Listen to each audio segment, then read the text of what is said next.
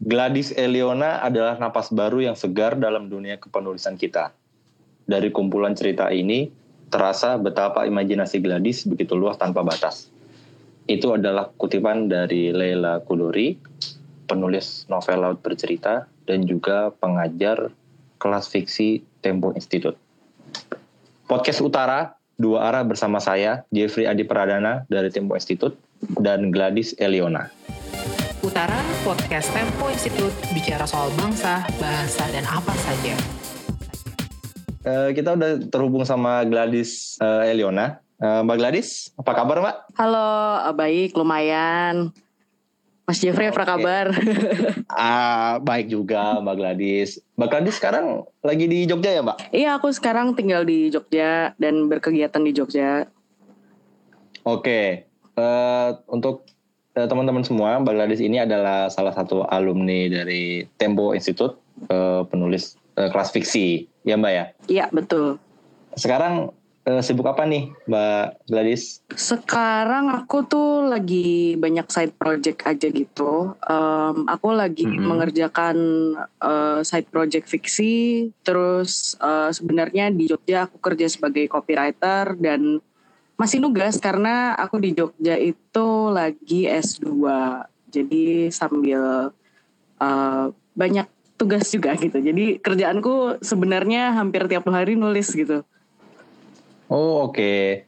uh, eh, nulis fiksi pak? fiksi iya, non fiksi iya, tapi uh, side projectnya paling banyak fiksi sih gitu. Oke oke.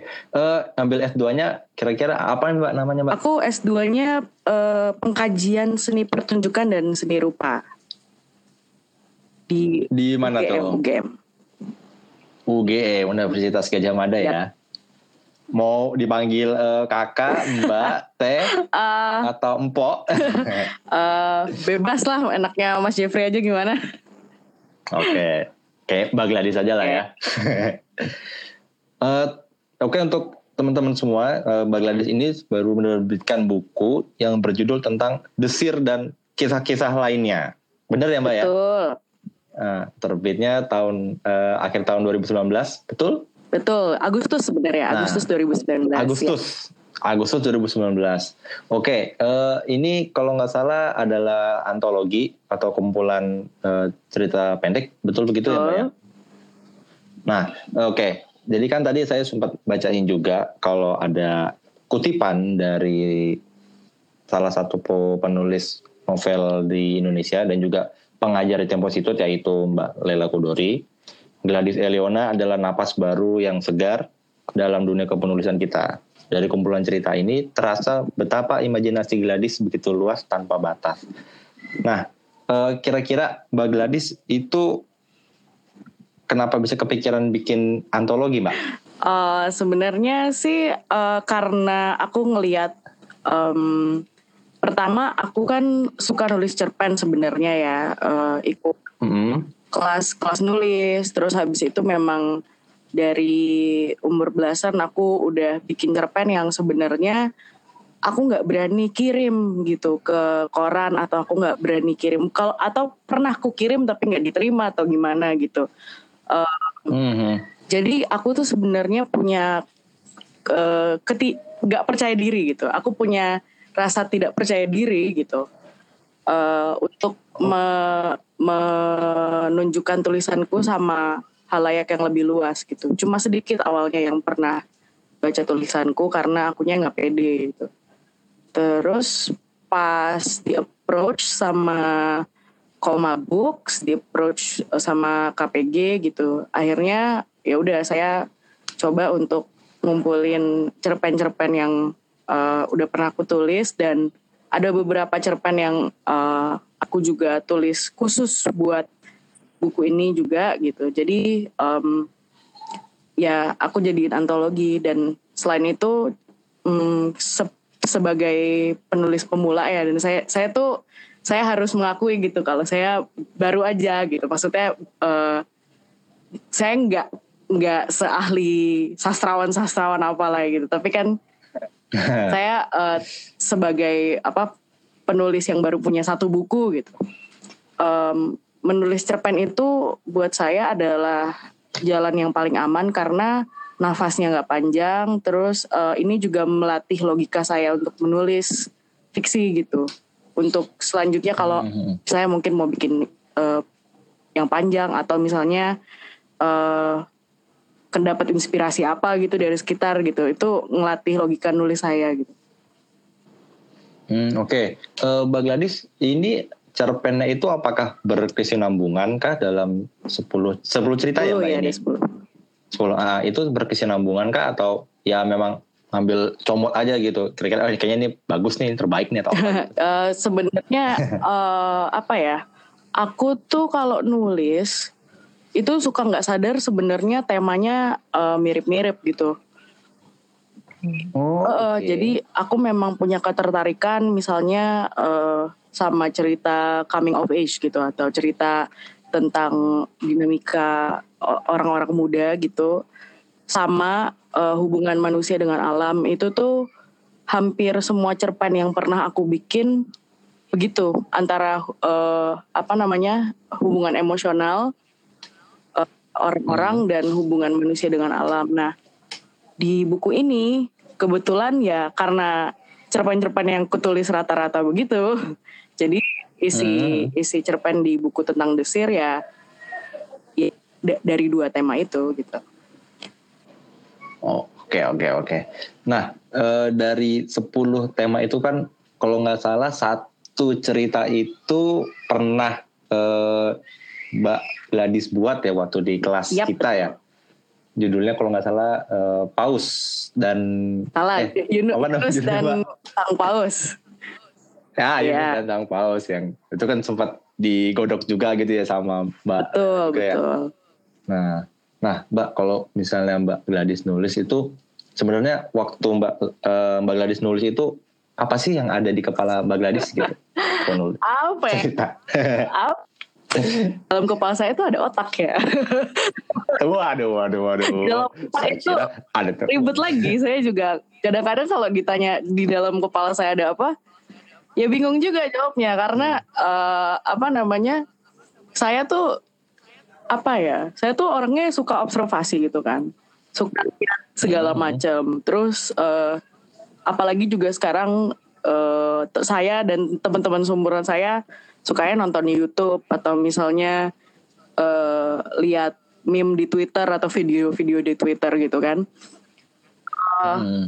ya dan apa namanya video-video kayak gitu atau misalnya tayangan-tayangan yang terpapar di usia kita tuh banyak banyak banget hal-hal yang saya nggak pernah reach gitu. Misalnya eh ya paus itu tadi gitu. Saya tuh suka banget nonton video-video binatang gitu loh. Saya suka banget nonton video National Geographic terus suka banget nonton video The Dodo gitu. Em, media-media yang ngomongin soal binatang dan eh, binatang-binatang yang saya nggak pernah sentuh dan saya nggak pernah temuin gitu apa namanya di kehidupan asli gitu. Karena eh, aku kan besar di kota. Terus kalau ngelihat desa atau ngelihat yang hijau-hijau dikit norak ya. Iya, iya, iya. Iya. karena aku gede di Depok dan eh, apa-apanya di Jakarta gitu. Dan sekarang pindah ke Jogja udah dua tahun. Awal-awal di Jogja tuh ngeliat sawah ini banget heran banget gitu. Kalau bahasa sini tuh gumun gitu kayak wow Hmm. ini sawah gitu. Akhirnya aku bersentuhan kembali dengan alam gitu. Em, itu yang itu itu rasanya apa ya? Itu ke kerinduan mungkin ya. Longingness kerinduan saya sama bersentuhan dengan alam eh, yang sebenarnya saya nggak nggak pernah punya waktu atau nggak pernah punya kesempatan untuk untuk melakukannya. Jadi saya tuangkan di imajinasi saya dan saya tuangkan di dalam tulisan-tulisan saya gitu. Apalagi sama hal-hal yang nggak nggak pernah saya temui da- pakai mata gitu. Kayak paus gitu. Saya nggak pernah temuin pakai mata gitu. Tapi saya rindu ingin bertemu dengan paus gitu. Saya Hmm. tuangkan aja Apakah dulu pernah eh, ber- berkenalan gitu dengan Paus atau gimana? Kebanyakan nonton videonya aja kayaknya Oh, aduh, jangan-jangan nonton Free Willy lagi. bukan Free Willy sih saya tuh nonton apa ya National Geographic itu tuh misalnya ada Oke. video humpback whale terus habis itu ada dengerin di Spotify itu ya di apa namanya di Spotify itu itu juga ada misalnya eh, musik-musik musik-musik yang menenangkan dengan suara paus gitu. Ya saya terobsesi dengan hewan-hewan besar seperti seperti paus dan gajah nggak tahu kenapa. Mungkin karena nggak pernah ketemu dan itu tuh jauh gitu. Itu sesuatu yang jauh dan Hmm. saya pengen mendekatkan yang jauh itu. Oke oke oke. Jadi emang eh, imajinasinya bisa dibilang liar ya. Mbak nggak Gadis lihat ini ya. ya, Tapi justru jadi jadi terus liar karena karena nggak pernah ketemu gitu terus di tanda kutip liar kan padahal sebenar sebenarnya ya belum tentu liar juga gitu Hmm. Benar benar benar. Nah, eh Mbak Gladys dari 10 cerpen ini, wah ini pertanyaan sulit Iya. pasti nih. Wah. Dari 10 cerpen itu ada nggak yang kira-kira eh, jadi favoritnya Mbak Gladys? itu ya Terus kenapa? Eh, itu adalah pertanyaan yang setiap kali saya saya dengar dari kalau saya penulis-penulis itu ditanya terus mereka akan jawab wah itu seperti eh, Mas nanyain saya anak favorit saya yang mana gitu Waduh, saya juga tahu tuh omongan itu dari siapa. itu oh iya ya oh iya ya saya lupa lupa ingat soalnya itu kayak hampir semua Iya, iya, penulis yang nulis cerpen itu tuh ngomong kayak gitu dan setelah saya nulis cerpen dan antologi ini saya juga jadi sadar bahwa pertanyaan itu juga mengarah ke sana jadi Oh, iya, eh, iya. cuma kalau misalnya eh, saya bilang sih semuanya punya punya kesulitan dan eh, dinamikanya masing-masing ya gitu. Tapi yang menurut saya dekat sama saya itu eh, cerpen terakhir tuh pertarungan Ratri. Karena Kenapa tuh Mbak? Eh, bisa dekat Hmm, gitu? nggak tahu ya. Saya tuh orang yang percaya sama em, sesuatu yang hubungannya agak spiritual gitu. Oke. Saya- Apa namanya? Saya membayangkan gitu. Kalau jangan-jangan saya pernah tinggal di eh, sebuah kerajaan di Jawa dulu gitu sebagai seorang petarung perempuan. Terus em, Oke.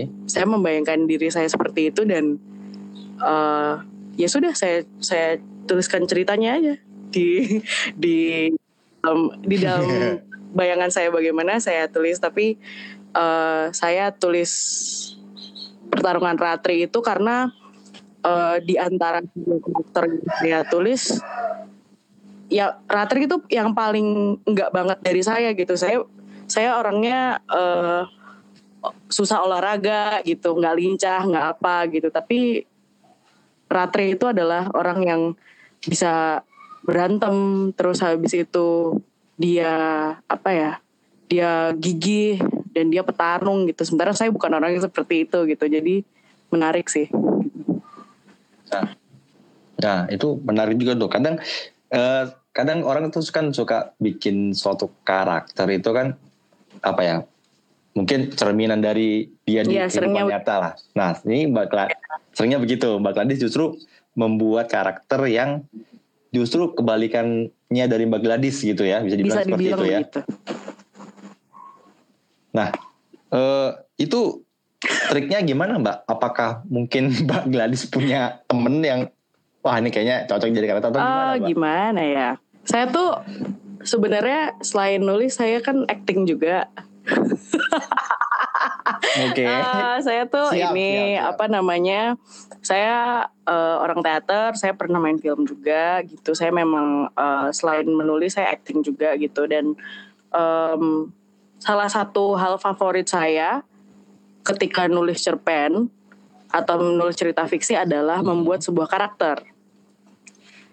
Karena eh, Oke. dari situ saya bisa membayangkan orang lain dan menjadi orang lain tanpa tanpa harus benar-benar menjadi orang lain. Kan sebenarnya prinsipnya acting kayak gitu. gitu. Prinsip prin- prinsipnya acting tuh em, kita menjadi orang dan kita berdiri di atas sepatunya eh, sepatunya orang itu gitu kan. Jadi kita berempati Ya, dengan ya. orang itu tanpa harus benar-benar menjadi orang itu. Nah, prinsip acting itu yang kemudian saya juga cerminkan dalam menulis dan itu yang membuat saya agak mudah membuat karakter juga karena eh, prinsip acting malah saya taruh di cara menulis saya gitu. Jadi kan misalnya ada juga Oke. ada eh, beberapa kasus misalnya saya dikasih karakter yang enggak saya banget gitu. Cek cek. eh ya halo. Oh ya. Eh, ya terus. ada ada satu kasus di mana saya nggak dikasih eh, eh, dikasih karakter yang enggak sesuai sama kepribadian saya sehari-hari. Tapi saya harus tetap memerankan itu gitu. Eh, saya harus bisa lihat sisi kemanusiaannya dia. Saya harus bisa lihat eh, dia sebagai bagian dari keberagaman kepribadian manusia di seluruh dunia gitu loh. Jadi ya ya di dunia ini manusia tuh nggak saya doang gitu. Pasti ada yang lain gitu. Jadi gimana caranya saya harus berempati sama em, sifat orang yang berbeda sama saya gitu. Itu sih. Saya- Hmm. intinya saya menerapkan eh, prinsip keaktoran saya dalam kepenulisan saya gitu dan ketika saya ketika saya jadi aktor saya kadang-kadang juga menerapkan kepenulisan saya di ke- keaktoran saya gitu. Wah berarti ilmunya itu saling saya mendukung ya ya. terbantu sekali. Iya, mantap mantap. Oke, eh, kita mundur sedikit. Kalau eh, saya mau nanya tantangan terbesarnya Mm. Mbak Gladys nih saat melahirkan buku ini, Eh, apa aja tuh Mbak? Hmm, ini ya berburu dengan waktu kayak gitu. Berburu dengan waktu, Tuh, berburu tenggat dengan waktu, tenggat. eh, ya itu sebenarnya semua Iya, penulis mau itu dia jurnalis atau gimana pasti eh, pasti berburu waktu ya. Tapi waktu juga nggak bisa dijadikan alasan alasan yang nggak bisa jadi alasan lah pokoknya gitu. Tapi yang jelas lebih ke ini sih menjaga fase, menjaga face, menjaga fase menulis, menjaga menjaga nafas. tuh? Jadi em, ada kalanya saya eh, pengen istirahat, ada kalanya saya pengen bekerja, tapi saya tahu saya pengen membagikan cerita saya sama orang lain lewat buku ini gitu. eh ya yang saya lakukan adalah menjaga mood, menjaga apa namanya jadwal gitu. Jadi saya me, mengeset apa sih bahasanya tuh mengatur nah gitu. Saya saya atur dalam mengatur, diri ya, saya ya. gitu supaya bisa nulis sesuai dengan jadwal. Jadi misalnya eh, teknis sih ini, jadi kayak kadang-kadang kalau misalnya saya mau nulis, ya saya ngejadwalin hari itu nulis. Kalau memang enggak ya nanti akan ambiar gitu. Oke, jadi Mbak Gladys ini iya, mendisiplinkan lumayan. diri gitu ya. Kalau untuk nulis Ya. dan eh, karena juga misalnya ada deadline, jadi ya mau nggak mau harus setia sama deadline-nya juga gitu kan. Iya, padahal kan kalau dipikir-pikir kan ini kan bukunya Mbak Gla- Mm. Mbak Gladys gitu kan ya. Jadi kan sebetulnya bisa tentuin ah, ya mau ngerjain atau enggak kan Gladys benar, sendiri gitu benar. ya. Tapi justru Mbak Gladys eh, bikin eh, memutuskan untuk mendisiplinkan diri menulis kalau misalnya emang jadwalnya Iya, menulis itu gitu ya. eh, mungkin itu juga kebawa dari apa eh, teaternya saya juga ya. Saya tuh eh, kalau kita kebawa juga Wah, sama oke, oke. eh, apa kebiasaan saya latihan gitu. Em, kalau emang waktunya nulis ya nulis, kalau emang waktunya yang lain ya yang lain gitu. Em, apa ya? Saya sih percaya sama yang namanya berkesenian dan berkarya itu juga harus terstruktur. Kalau kita sudah percaya diri sama konsep kita gitu. Hmm, iya iya iya. iya. Nah, menarik nih. Kalau saya mau coba mundur lagi agak ke belakang. Nah, eh, waktu itu kan Mbak Gladys memutuskan untuk ikut kelas di Tempo Ya. Institute ya Mbak ya. Itu bisa diceritain nggak sih? Itu kenapa bisa memutuskan untuk ikut kelas Tempo Institute? Sedangkan kan banyak gitu ke penulisan-penulisan lain gitu. Eh, waktu itu karena aku lihat eh, ada tawaran beasiswa di Tempo Institute dan kelas fiksi waktu itu kayaknya baru buka beberapa batch ya. Jadi eh, jadi Ah. eh, aku ngerasa ada kebaruan dan aku juga penasaran gitu melihat cara cara ajarnya Mbak Lila Kudori. Em, karena sebelumnya aku pernah diajarin nulis oleh beberapa sastrawan juga di kelas-kelas yang lain, yang formal maupun non formal. Ya kebanyakan non formal sih. Ya, em, ya, ya. itu caranya beda-beda dan saya rasa kalau misalnya mau nulis itu harus punya apa ya harus harus nyaring banyak metode gitu loh supaya kita punya metode sendiri jadi untuk menciptakan metode menulis sendiri atau gaya sendiri aku rasa penting untuk tanda kutip nyuri metode orang tapi di mix and match gitu loh kalau misalnya cuma ikut satu kelas aja aku rasa malah kita nanti akan terlalu mengcopy eh, cara menulisnya si A misalnya kayak gitu. Dan menurut aku itu ya itu nggak apa-apa kalau misalnya jadi penulis pen- pemula tapi buat saya yang haus akan perkembangan diri ya itu itu Hmm. eh, apa melihat berbagai approach dari penulis-penulis em, yang prominent di Indonesia itu penting. Oke, berarti emang Mbak Gladys ini istilahnya mengambil ilmu-ilmu dari para master gitu ya. Nggak cuma hanya satu master semacam gitu. seperti itu.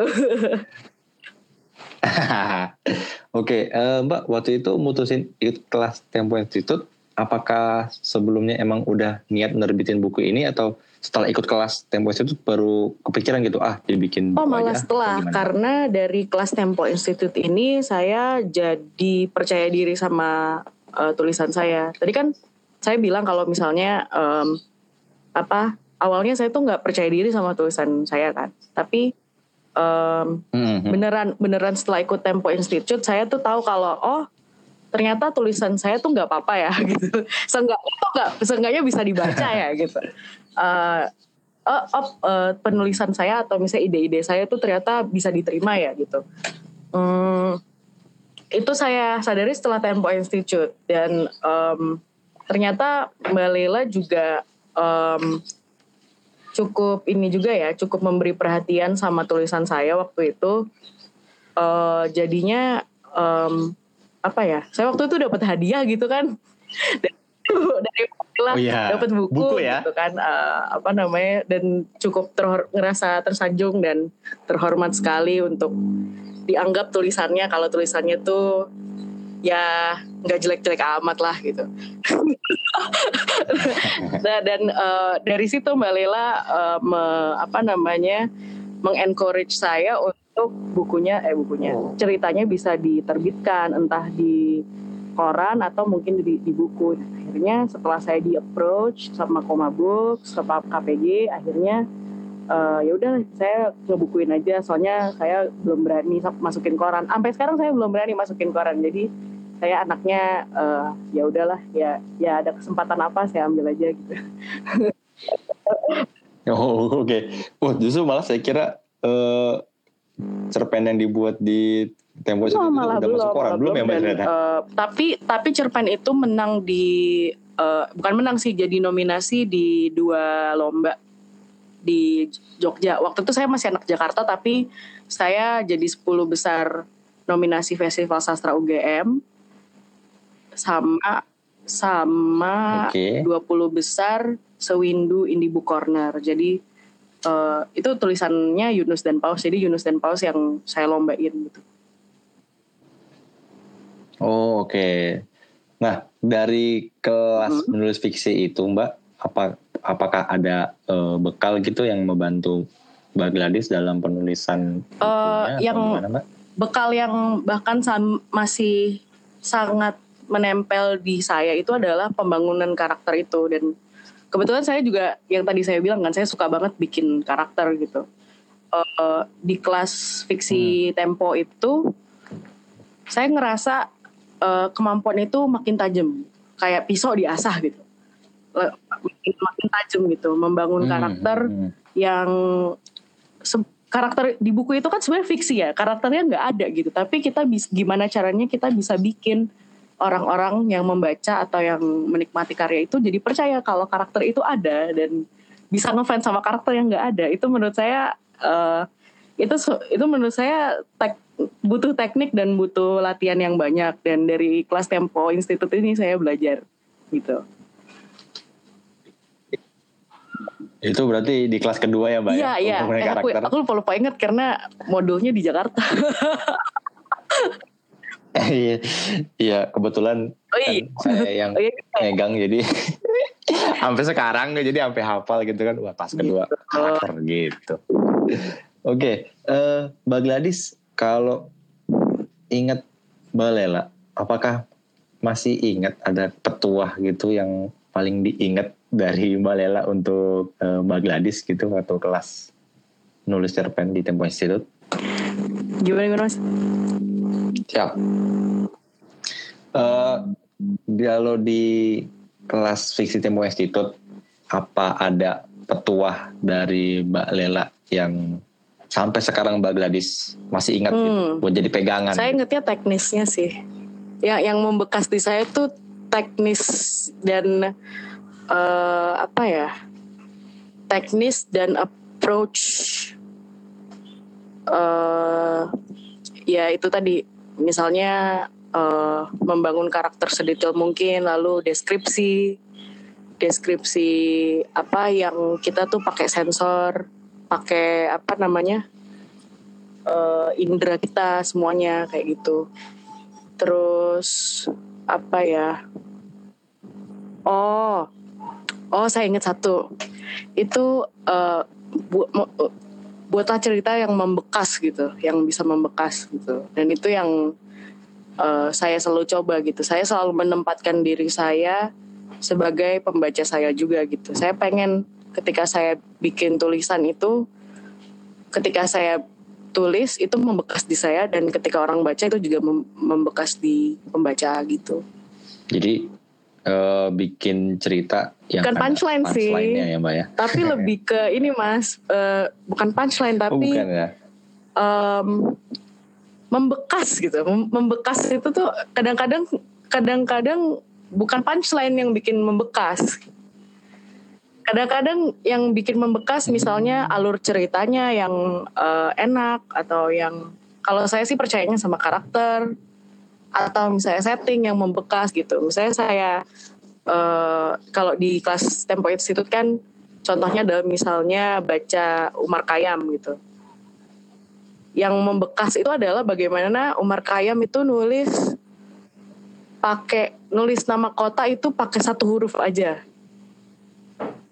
Oh, Iya, iya oh, itu. yang. Bauk ya? Bau, bau, bau ya. Ya, oke, Itu oke. Itu tuh hal-hal yang ya. remeh tapi eh, bisa bikin saya jadi masih terganggu gitu. Bukan terganggu ya, masa tapi lebih ke terbayang-bayang dan membuat jiwa kreativitas ya gitu.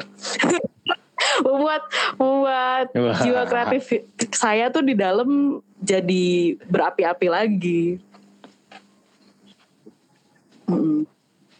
Oke. Jadi emang bukan punchline tapi mungkin suatu Iya hal bisa dibilang yang unik bisa gitu dibilang kali ya. ya, Mungkin unik cerita. atau mm, Hmm. yang membuat pembaca jadi ikut berefleksi tentang dirinya juga. Oh, Oke, siap kalau gitu. Nah, terakhir nih, Mbak Gladys, rencana berikutnya setelah bikin buku ini, apakah mau bikin buku kedua atau Uh, bikin novel? Iya, jadi pertama saya bikin tesis dulu ya. Tapi sebenarnya Oh, Oke, ya, siap. jadi eh, Belajar dulu, mohon belajar. doanya aja eh, mulai 30 Mei sampai dengan beberapa bulan setelahnya aku lagi ada proyek cerita bersambung kanal Karya Karsa. Oke. Jadi eh, di sana saya akan posting cerita bersambung setiap hmm, dua minggu sekali gitu untuk eh, apa namanya tentang Mhm. ceritanya tentang coming of age sebuah keluarga di Jogja. Gitu. Dan itu akan mulai terbit Oke, eh, 30 dari Mei ini.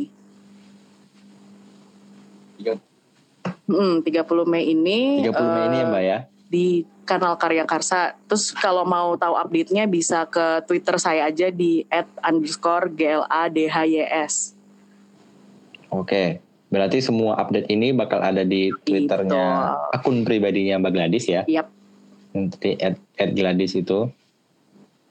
Itu nanti akan ngundang eh, Enggak orang sih kah? itu gitu, project Mbak? pribadi eh, sejauh ini masih self publishing. Saya nggak tahu apakah ini eh, akan digabung jadi novel ke depannya atau bagaimana karena kalau digabung semuanya memang akan jadi berapa ratus halaman gitu memang jadi akan jadi akan novel gitu. Tapi saya lebih karena saya berangkat dari cerpen Hmm. saya ingin mencoba nafas yang lebih pendek tapi panjang. Maksudnya eh gimana ya pendek tapi panjang tuh ya? nafas yang pendek tapi berkala gitu. Misalnya ya dua minggu sekali terbit, dua minggu sekali terbit gitu. Jadi lebih ada apa? Lebih konstan gitu, lebih ada waktunya yang terukur. Jadi lebih Eh, eh, jadi lebih lebih ber- ada jadi bisa gitu nafas Mbak, ya. gitu. Jadi bisa Bisa ngasih gitu. ngasih waktu saya untuk nggak terlalu dikejar-kejar gitu. Kalau gitu saya Amin. Kayak ini kan tinggal aku sih lancar. 30 Mbak Mei ini tinggal nunggu artnya sama tinggal buku tinggal sampulnya 30 Mei dan Juni dan Juli seterusnya nanti semoga eh, apa karyanya bisa konsisten terbit di kanal yang akan saya buat ini. Oke, amin amin. Saya doakan dari Oke, sini juga, siap. Mbak. Tuh, dari Tempo Institute. Semoga lancar. Oke, eh, terima kasih Mbak Gladys udah mau luangin waktunya di podcast Mhm. Utara dengan Tempo Institute. Nanti kita ngobrol Boleh lagi dong. hal lain boleh? Oh, oke. Eh, terima kasih Mbak Gladys dan juga kepada para pendengar. Anda sudah dapat mendengarkan podcast Utara di anchor.fm slash utara atau follow channel podcast Utara di Spotify. Eh, saya Jeffrey Adi Pradana. Salam.